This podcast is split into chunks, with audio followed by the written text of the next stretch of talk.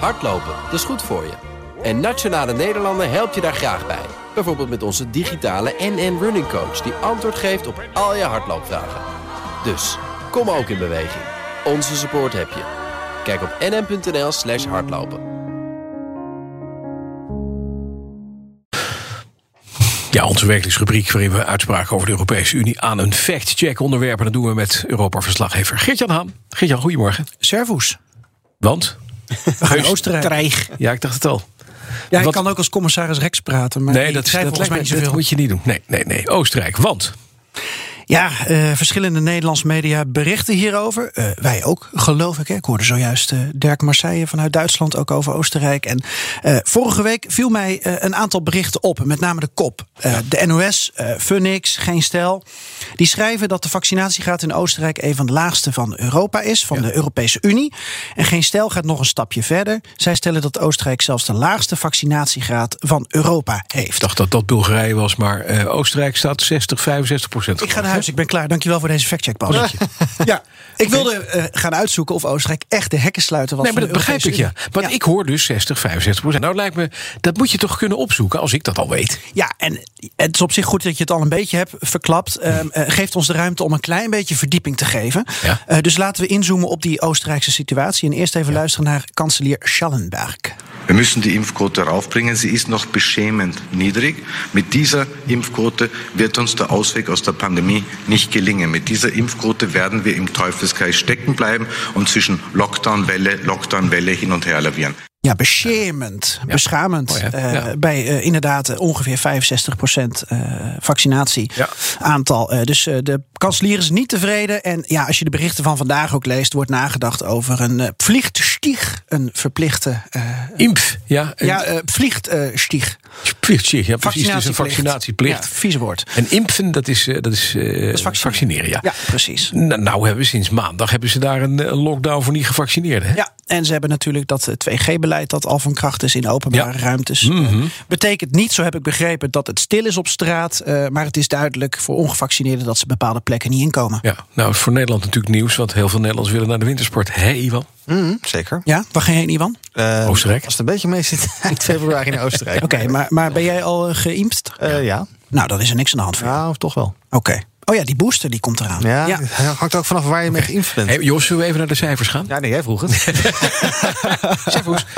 een online bezoek aan de uh, ECDC uh, was ooit een goede band. Uh, het Europese RIVM dat laat zien dat in Oostenrijk 64% van de bevolking volledig gevaccineerd is en 69% één dosis heeft gehad. En we hanteren even de cijfers van vorige week, omdat toen natuurlijk ook die artikelen in de Nederlandse media werden geschreven. Uh, dat is onder het Europees gemiddelde van 65,2 procent. Ja, en hoe komt dat nou? Hoe kent dat nou? nou we dan? Even een paar mensen daarover gevraagd. Allereerst Laurens Boven, oud-correspondent van BNR in de Duitsstalige landen en getrouwd met een Oostenrijkse, die deelt zijn bevindingen met ons. Tijdens de vorige golven, vorig jaar, begin dit jaar, heb je eigenlijk gezien dat de Oostenrijk er best goed van afgekomen is. Landen zoals Spanje, waar de corona-uitbraak het ergst is geweest, daar is toch eigenlijk ook de vaccinatiegraad nu het hoogst. Dus waarschijnlijk is er zo'n soort samenhang. Hè? Zo van, zo erg zal het wel niet worden. Dat daardoor mensen zich niet hebben gevaccineerd. Ja, en dat dat nu dus uh, in feite uh, alsnog dus uh, behoorlijk hard over Oostenrijk heen rolt. Oké, okay, het ging dus te goed in het begin. Misschien. Ja, nou, ja. No nog een mogelijke verklaring van Laurens Boven. Je ziet zeker een samenhang tussen de gebieden waar de FPE, hè, dat zijn de Oostenrijkse rechtsextremisten of populisten, hoe je ze wil noemen, waar die partij sterk is, um, uh, zie je dat ook de vaccinatiegraad laag is. He, dus uh, er is zeer goed mogelijk dat er een samenhang is tussen hoe mensen in de politiek staan, hoe het wantrouwen is ten opzichte van de politiek uh, en daarmee dus de bereidheid om jezelf te vaccineren, ja of nee. Ja, die FPE uh, doet het vooral goed in landelijke gebieden, dus ver weg van de hoofdstad Wenen. Uh, in Wenen woont Renger van de Heuvel. Ik sprak hem gisteravond in uh, onze Europa-podcast, BNR Europa. Hij is filmmaker en organisator van kunstbeurzen. En dit is wat hij vanuit het Weense nieuws erover meekrijgt. Er is ook een onderzoek gehouden. Het blijkt dat FPE-stemmers en mensen die niet stemmen, dat daar de vaccinatiebereidheid ongeveer op 50% lag. En bij andere partijen op 70%. En wat ook blijkt nu, is dat eigenlijk in de zomer vanuit de landelijke regering de campagne om mensen te stimuleren zich te laten vaccineren, uh, ja, hebben ze gewoon die budgetten drastisch omlaag geschroefd. Dus er zijn ook een aantal tactische blunders waarschijnlijk gemaakt. Oké, okay, nou begon je de factcheck met een van de laagste of zelfs hekkensluiter volgens geen stijl. Ja. Maar Hoe, st- hoe staat het erbij met de Oostenrijkers? Nou, ik heb hier de ranglijsten. Hoeveel lidstaten Ja. hebben we? 27, hè? Ja, eh, nu zie ik dat bij de Europese Unie hebben ze niet de cijfers van Luxemburg. Eh, ik Mhm. weet niet waarom, dus ik ga uit van 26 landen. Oké. Dan stond Oostenrijk vorige week op plek 14.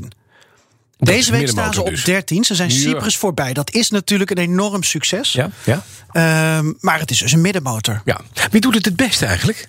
Portugal. Ja, Ja, die staan eh, dan bovenaan. zitten ze op 89 of 90 procent, geloof ik. En dat, Echt vrij veel. En dat is nog een factcheck waard, maar daar kom ik voorlopig niet uit. Waarom zijn landen als Portugal, Spanje en Italië in de top 4? Ja. Ehm, katholieke landen. Ja. Maar waarom is Tilburg Tilburg? Waarom is Oostenrijk en Beieren ook katholieke landen? Waarom lukt het daar niet? En dat vind ik zo'n interessante Mhm. Eh, gemene delen waar ik maar niet achter kom welke rol dat geloof eventueel erin speelt. Oké, Maar toch, we zouden nog eventjes zeggen wie het allerlaagste staat op deze ladder. Ja, Bulgarije. Nog geen kwart van de bevolking daar heeft zich laten vaccineren. Dat is een beetje aardig. De Bulgaren zijn eh, helaas de klos. Maar dat de, hè, de, de, de, de fact-check eventjes, zoals door een aantal media werden geroepen... van Oostenrijk is de laagste, dat is gewoon... Nou ja, die denken dat er nog een muur is. Dat is het verhaal. Ja. Zullen we hebben het laatste nieuws van de 30 zullen we jaar niet meegekregen. vertellen? Ja. Dat is gewoon, jongens, die muur is gevallen. Het horen bij Europa. Dankjewel, Gert-Jan. Hardlopen, dat is goed voor je.